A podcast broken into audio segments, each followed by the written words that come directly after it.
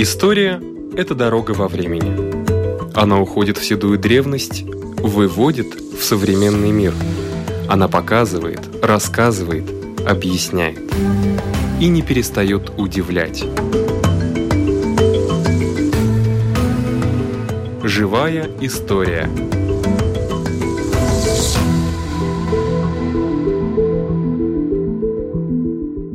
У микрофона Лидия Чера.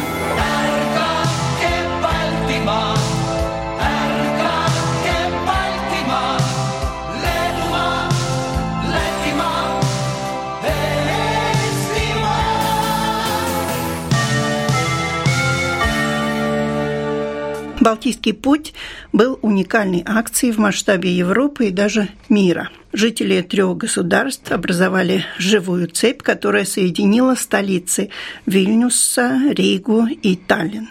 Это произошло вечером 23 августа 1989 года. В акции приняли участие приблизительно 2 миллиона человек. У нас в студии посол Эстонии в Латвии Арти Хелпус. Добрый день. Добрый день. Хотелось бы знать, какова ситуация была в Эстонии 30 лет назад, накануне Балтийского пути.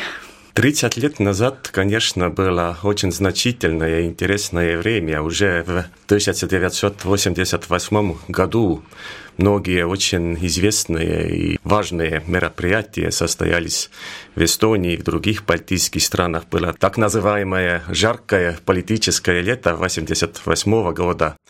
Тогда и образовался Эстонский народный фронт как демократическое движение и один из самых важных таких политических движений в тогдашнее время.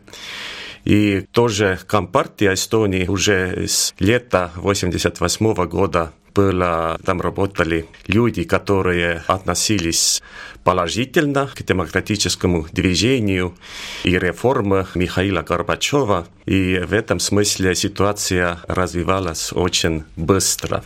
И в 1989 году Весной состоялись выборы в Народный конгресс Советского Союза, и там для эстонских депутатов были два важных цели.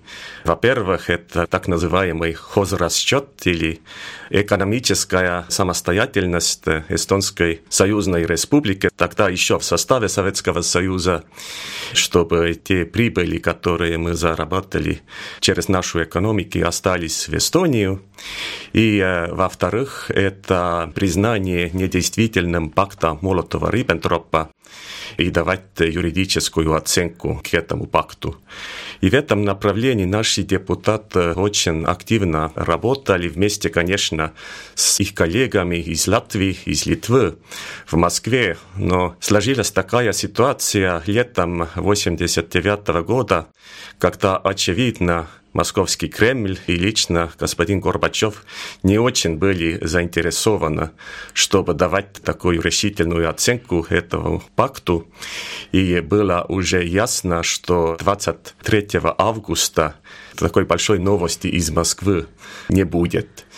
И чтобы влиять на эти процессы, пришли активисты на такую идею, чтобы организовать большую манифестацию «Балтийский путь» или, или «Балтийская цепочка». По-эстонски мы все-таки используем понятие «цеп», «балтикет». И э, в очень короткое время организовали такие инициативные группы в предприятиях, в организациях, нашли автобус и средства, чтобы люди действительно пришли к трассу этого мероприятия. И, конечно, это было огромное достижение за такое короткое время все это завершать. Кто был первым лидером Народного фронта в Эстонии?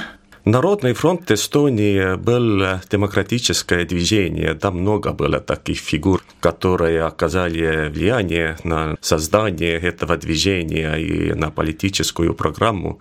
Но, конечно, всегда у таких движений есть председатель. И председателем был тогда Эдгар Сависар. Он немножко попозже стал премьером такое промежуточное время Эстонской Республики. И он, конечно, был очень влиятельный активист и много, и сам сделал предложений нашел новых идеев. Некоторые люди упоминают, что, может быть, это на самом деле был сам Эдгар Сависар, кто как первый предлагал эту идею организовать Балтийский путь. По сравнению с Латвией, по Эстонии цепочка не такая длинная. Э, людей хватило. Людей хватило, и на некоторых участках их даже было больше, чем только одна линия. Оценивают, что в общей сложности в Эстонии было от 300 до 400 тысяч человек, которые участвовали в этой цепочке. Это же огромное количество в сравнении с нашими цифрами населения. Это означает, что практически все эстонцы, которые смогли приехать вместе с членами семей там участвовали. Я и там участвовал, потому что в этом институте Академии наук, где работал мой отец, там тоже организовали автобус. Я был тогда гимназистом, и, конечно, я очень внимательно наблюдал все эти движения и развитие в то время, и мы все были политически очень активные. В этом году, в августе, пройдут ли какие-то мероприятия в Эстонии, посвященные 30-летию Балтийского пути? Да, обязательно надо отметить такую важную годовщину. И, э, во-первых, на площади Свободы, на главной площади Таллина, состоится День истории Балтийского пути. Это означает и такие популярные мероприятия, но и научную дискуссию, и мероприятия длится весь день. Тогда будет и памятная церемония на мемориале жертв коммунизма в Марьяме поскольку это же тоже день памяти пакта Молотова-Риббентропа и его последствий. И еще меньшие мероприятия в разных частях Эстонии, там, где 30 лет тому назад состоялась Балтийская цепочка, там у нас и разные маленькие камни памяти. И еще у нас организовали в этом году конкурс поэзии, тоже посвященный идею свободы. 23 августа провозглашают победителя этого конкурса. Конечно, все эти достижения были сделаны с объединенной силой балтийских народов и в нашем сотрудничестве. В это время это очень замечательно было, как мы все смогли на государственном уровне балтийскими странами сотрудничать и преодолеть все разногласия в то время. Спасибо. У нашего микрофона был посол Эстонии в Латвии Арти Хилпус. А наша программа продолжается.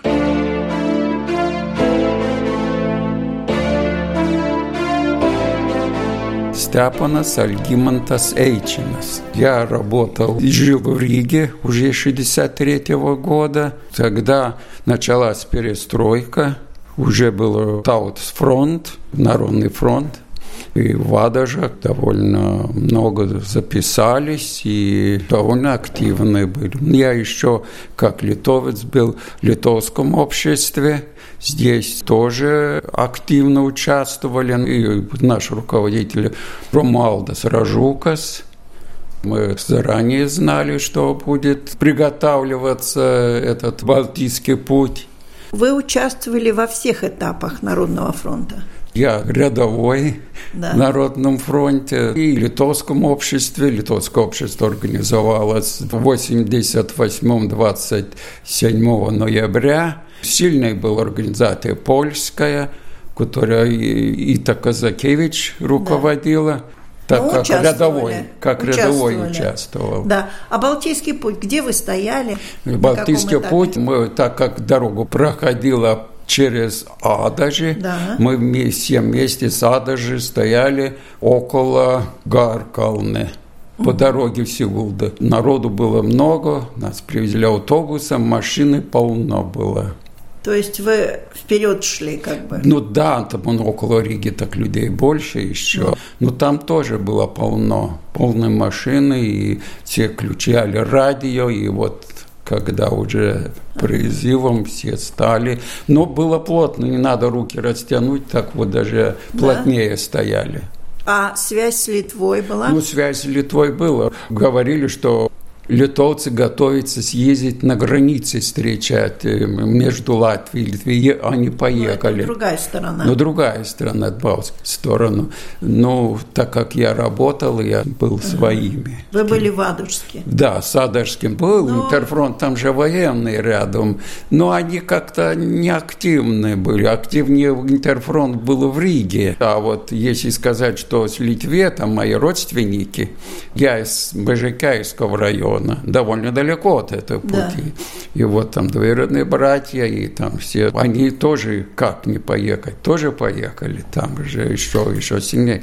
Но столько машин было, что они до дороги как-то и не доехали пришлось, вышли с машин, когда сообщили, так они организовали ветку когда уже по радио сказали, то они вышли в машину и создали как ветку в другую сторону. Постояли, ну и потом, как вернуться назад, так они говорили, что поздно ночью только вернулись, потому что очень много машин было, и автобусов, машин там из Клайпеды ехали туда, на эту дорогу, это целая территория Жемайтии. Там очень много было людей, а вот, которые не доехали. А вот интересно, где начало брал Балтийский путь? Начало брал Балтийский путь в Вильнюсе, у Гедеминец башни. А заканчивался? А заканчивался в Сталине башня, по-моему, старый Томас, там да. в центре. Там радио у всех было, слушали радио. Там и гимны пели, и песни патриотические такие. Кажется, что в мире такой случай не было, чтобы 600 там с лишним километров люди стояли, взявшись за руки.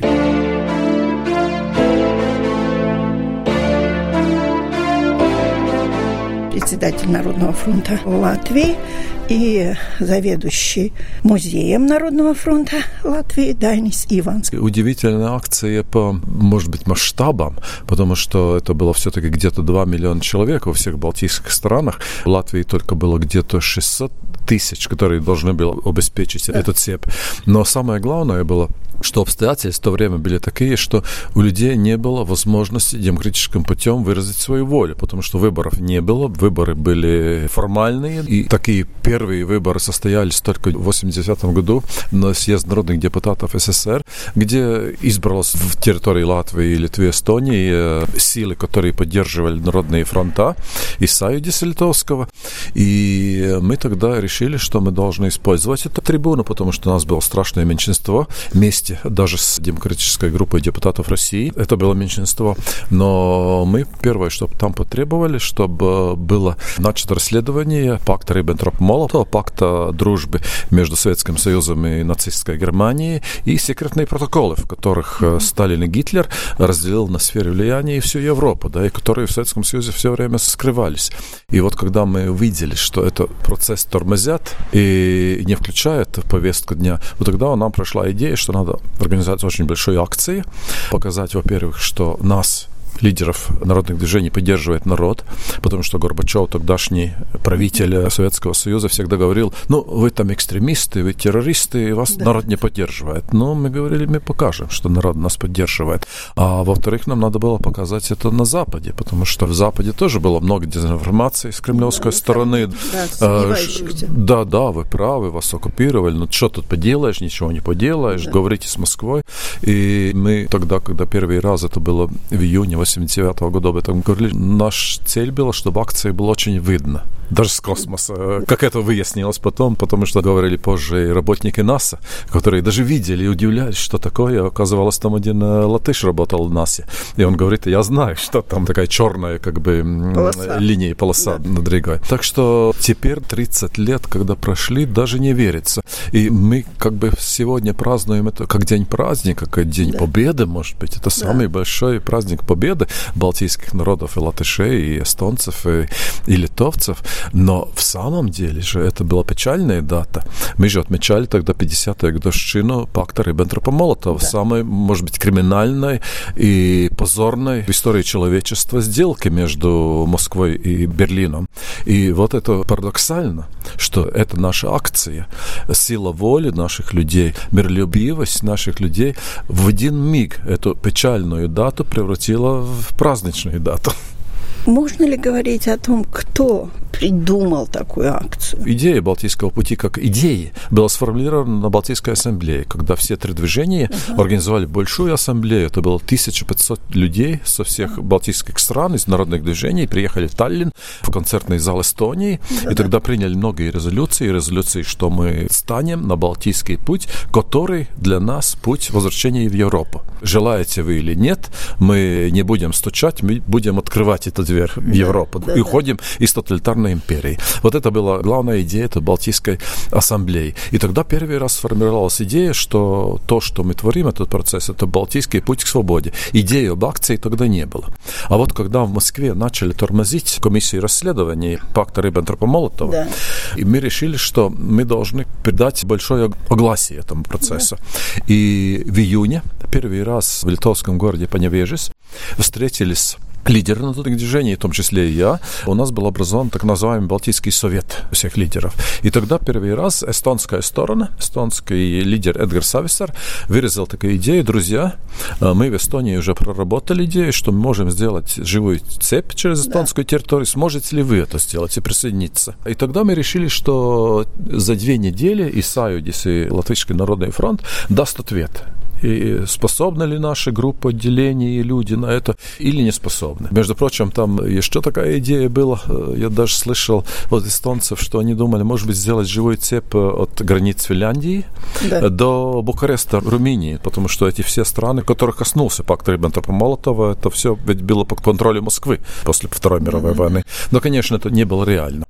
И тогда уже через две недели мы дали ответ, что можем. Мы там даже мерили в нашем штабе Народного фронта, ну, что расстояние между Литвой с двумя да. руками распростертыми это полтора метра, да, и сколько да. людей нужно. Посчитали, что меньшее количество это где-то 250 тысяч человек, да. потому что в Латвии был этот участок где-то 320 километров, а общий был 670-680. Это значит, что у нас было труднее всех, потому да, что э, ли, да, Литва, Эстония это через половину государства, нам через всю государство шла эта цепь. И тогда, 15 июля, это знаменитая дата, в Пьярно, в эстонском городе, с каждой стороны по пять лидеров народных движений. Я тоже там был, участвовал в этой встрече. Мы подписали специальный меморандум об организации Балтийской цепи и этой большой акции. Э, между прочим, это очень важный документ, потому что, основаясь на этот документ, как э, вещественное доказательство, ЮНЕСКО несколько лет тому назад голосовал за то, чтобы включить Балтийский путь в список мировой памяти. И это включено, и это очень важно, потому что все-таки где-то 200 государств должны проголосовать за это, которые ЮНЕСКО не да. проголосовали. Да, это да. значит, что для мира это все очень важно. А потом э, продолжалась очень интенсивная организация Балтийского пути. Мы должны были где-то за месяц мобилизовать все свои группы, отделения. Те отделения Народного фронта, которые находились на маршруте, они должны были скоординировать логистику, как попасть э, людям, например, из Даугавпилса, из Резекана, из Краславы, из Лепой в нужные участки. Это тоже не было просто. Транспорт был организован. Второй, может быть, такой сложный вопрос организации было то, а как коммуницировать э, с участниками. Да. Потому что тот момент не Мобильных только в Латвии, да, не, не было. было. Во всем да. мире таких не было. Интернета тоже не было. И тогда, конечно, единственная возможность была организовать через прямую трансляцию Радио. из радиостудии. Да. Мы решили, что в Вильнюсе, Таллине и Риге в радиостудиях будет э, руководитель народных фронтов и координатор, и с фиксированных линий координаторы с э, разных отделений народов будут звонить, например, что вот там у Цесиса не хватает людей. Но самое главное было, что все было расширено рассчитано. Там Сандра Калнета, которая технически организовала это, она проехала всю дистанцию. Вместе с э, руководителем отделения там был просчитан каждый метр, сколько людей там можно будет. Но проблема появилась именно утром 23 августа, когда я пришел в штаб Народного фронта в Эцпилсайт 13-15 вдруг звонок из Компартии Латвии, ну, наверное, после звонка с Москвы, да. мы вам, друзья, запрещаем прямую трансляцию. Вы можете представить, что массовые акции абсолютно без какой координации Латвии. В Литве, в Эстонии такого запрета не было. И я просто много думаю, почему в Латвии? Или побоялась Латвии больше? Потому что Латвия все-таки была самое слабое звено ну, Балтийского да, пути, потому что здесь военный округ. округ, да, здесь разные КГБ структуры и военные базы советские. Мы считаем где-то 150 или 250 тысяч военного контингента. Да, это ужас просто был, ну, что да, здесь на военный да. конфликт не хотел. Конечно, это была мирные да. акции протеста. Идут. И тогда мы договорились с, э, с вашими коллегами латвийского радио. Они записали эти пять минут моей речи, выступления. И в момент, когда люди собрались, образовали цепь, они пустили в эфир это. И, причем я помню, что до два часа до этой э, кульминации, до 19 часов вечера, я думал, как мне сказать и говорить, чтобы люди почувствовали, что я не где-то, да, но да, я нахожусь в радиостудии, что мы руководим этой акцией. Да. Ну и сам я автомашиной я направлялся на границу Латвии и Эстонии, где я встречался с лидером Эстонии, Сависаром. Я стоял в этот момент в цепи на границе. У меня был такой белый пуловер с вышитым гербом Латвии, предвоенной Латвии. И я стоял как столбик, пограничный столбик. У правой руки у меня была руководитель самоуправления латвийской стороны, а на левой эстонская девушка, руководитель Валкского самоуправления. И потом мы организовали очень большой такой митинг на этой границе. Там был ужас, там сколько много людей было. Там был концерт, там было выступление. И там самая, может быть, такая главная мысль этого выступления была то, что вот э, в этой 50-й годовщине этого криминального акта, mm-hmm. который вообще-то и начал Вторую мировую войну, потому что именно после пакта Риббентропа-Молотова 1 сентября 39-го Германия нападает на Польшу, и 17 сентября Советский Союз нападает на Польшу, нападает и на Финляндию, да, по... потом уже оккупации балтийских стран, и мы говорили, вот никто не отменил это. Вторая мировая война для балтийских народов продолжается, а мы эту войну теперь побеждаем и отменяем пакт Риббентропа-Молотова. Это было, может быть, самая главная цель, чтобы это увидел и Запад, и увидел Восток. Потом я читал сравнительно недавно в воспоминаниях Черняева, помощника президента СССР Горбачева. Он пишет, что вот когда они смотрели в Кремле видеозаписи акции Балтийского пути, он говорил, мы все были в панике, потому что мы поняли, что Балтию мы не сможем удержать Советский Союз, и что они уходят. Вот да. в тот момент они это уже поняли. Это важно было для Запада, потому что Запад, ну, как-то где-то больше 50 государств не признал оккупации балтийских стран, да. но все равно они говорили, ну, там, говорите, с Горбачевым, с Москвой, да, мы подождем, да, да, посмотрим. А теперь, после акции Балтийского пути, именно общество, западное общество начали давить на своих политиков. Как же вы, как же допустили, что 50 лет такое несправедливость международного правоотношения, международных правил существует.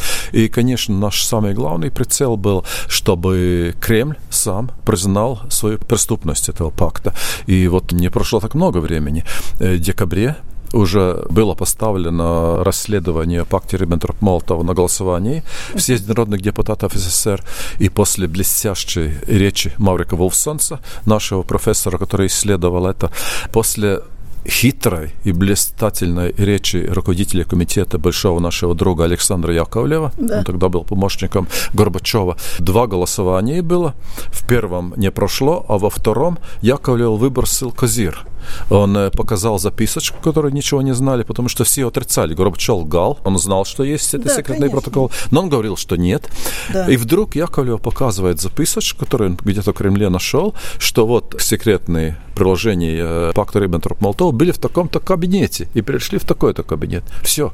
И эта публика была ошеломлена, генералы ничего не смогли, там ворчали, ворчали, и Кремль сам проголосовал большинством, что были секретные протоколы Риббентроп-Молотова, что это преступление с самого начала и не имеет силы.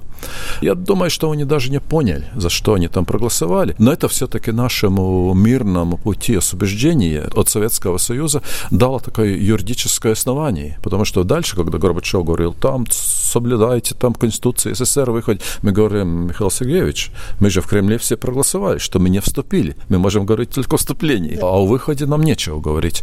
И я думаю, что это очень важно было. Конечно, мы шли как бы по лезвию, тогда лезвие лезвие ножа в то время. И нам надо было после Балтийского пути быть очень решительными. Три дня после Балтийского пути Кремль распространял объявление, которое принял Политбюро и сам Горбачев, что мы зашли слишком далеко. далеко. И что это все экстремистские движения и будет прекращены. Но называли это националистической хистерией. Это все Балтийский путь, с которым мы гордились. Мы все же да, в такой да, дружбе, да. такой солидарности все были под поднятым настроением. И вдруг такое ужасное сообщение.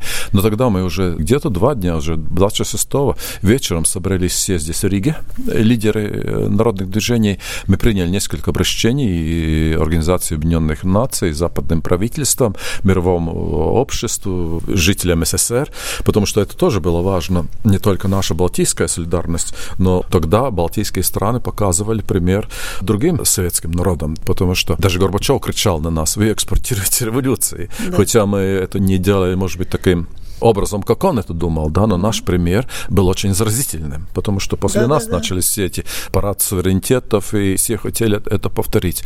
Ну и мы написали объявление своим людям, которые тоже открыли окно, прочли сразу толпе людей, которые на площади Ветспилса это сбили, что мы не отступим Балтийского пути, мы все равно пойдем в сторону Европы.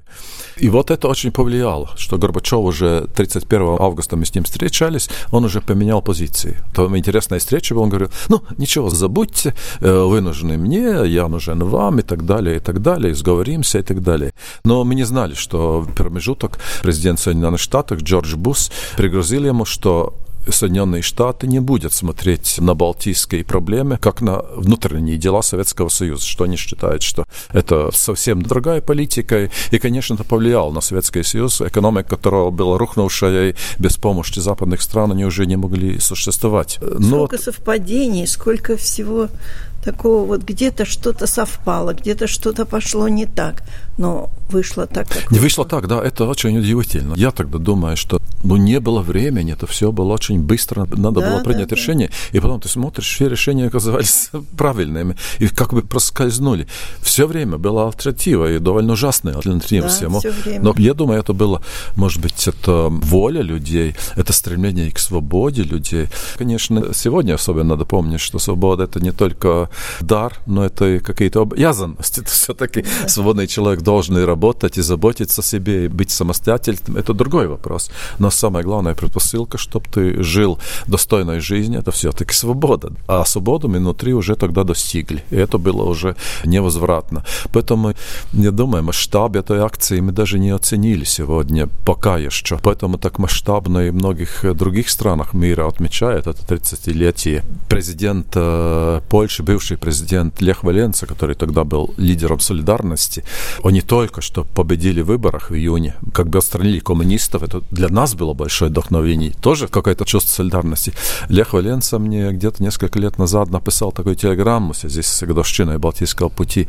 Он писал, я тоже по сей день стою на Балтийском пути, потому что Балтийский путь был важный элемент в эффекте домино, которое разрушило тоталитарную систему в Европе. И, конечно, без Балтийского пути, наверное, не было бы суждений Балтии, но я думаю, не пала бы Берлинская стена. У нас даже такой курьез был для меня частный, что в Кремле после падения Берлинской стены, а это произошло, не прошло и два месяца, когда пала да. Берлинская после Балтийского пути стена, и русские генералы где-то присутствие нас, балтийцев, где-то в куларах напали на Горбачева. Как ты посмел отдать Германии? Это же наша да, Восточная да. Германия.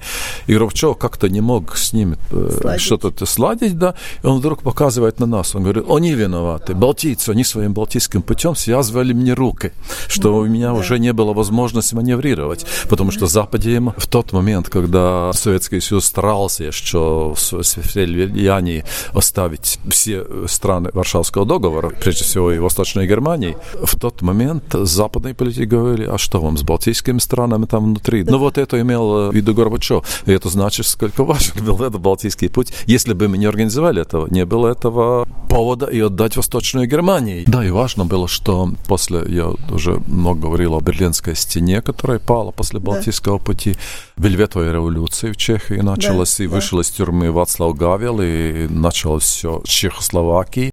В ноябре пал режим Чаушеско в Румынии, и мы просто смотрели, что это все продолжается каким-то другим образом. Созрел. Да, созрел все. Большие акции поддержки балтийцев уже начались и в Москве. Даже и мы как бы завоевали с этой трибуной съезд народных депутатов, ну, довольно большой авторитет и в России. Полгода после Балтийского пути в январе живую цепь организовали украинцы с Львива до Киева и тоже требовали свободу. В Кишиневе румыны, Бессарабия, которая тоже вследствие пакта Риббентроп-Молотова перешла в собственность Советского Союза, они тоже сделали такую живую цепь.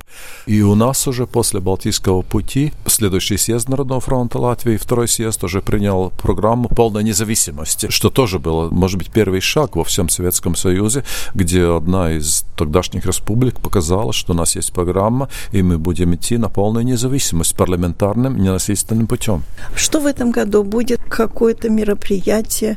В этом году довольно масштабно отмечают во всех балтийских странах это событие. И в Латвии 22 э, августа с утра до вечера в Национальной библиотеке Латвии будет большая международная конференция. Конференция начнется с видеоприветствием канцлер э, Германии Ангела Меркель Реферат будет у бывшего премьер-министра Швеции Карла Билта, известного международного политика. Билт, между прочим, был одним из тех, которые уже начиная с 89 года, когда я его встретил как молодого политика в Стокгольме, без колебаний поддерживал Балтийскую независимость, сделал все, чтобы Швеция была да. нашей стране на самых высоких уровнях международной арены.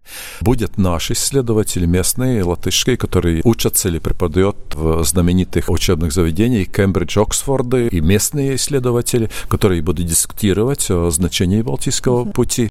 Будет исследователи из Германии. Ну, там очень много ярких имен, включая нашего президента, который не только будет э, такой поздравительную речь произнести перед да. началом конференции, но который будет участвовать и по дискуссии, потому что ему есть что сказать. Он тоже участник Балтийского пути одного года, как я. Он 30-летним парнем, но не парнем, он уже был юристом довольно известным известным в Германии. Он был у памятника свободы, как он мне рассказывал.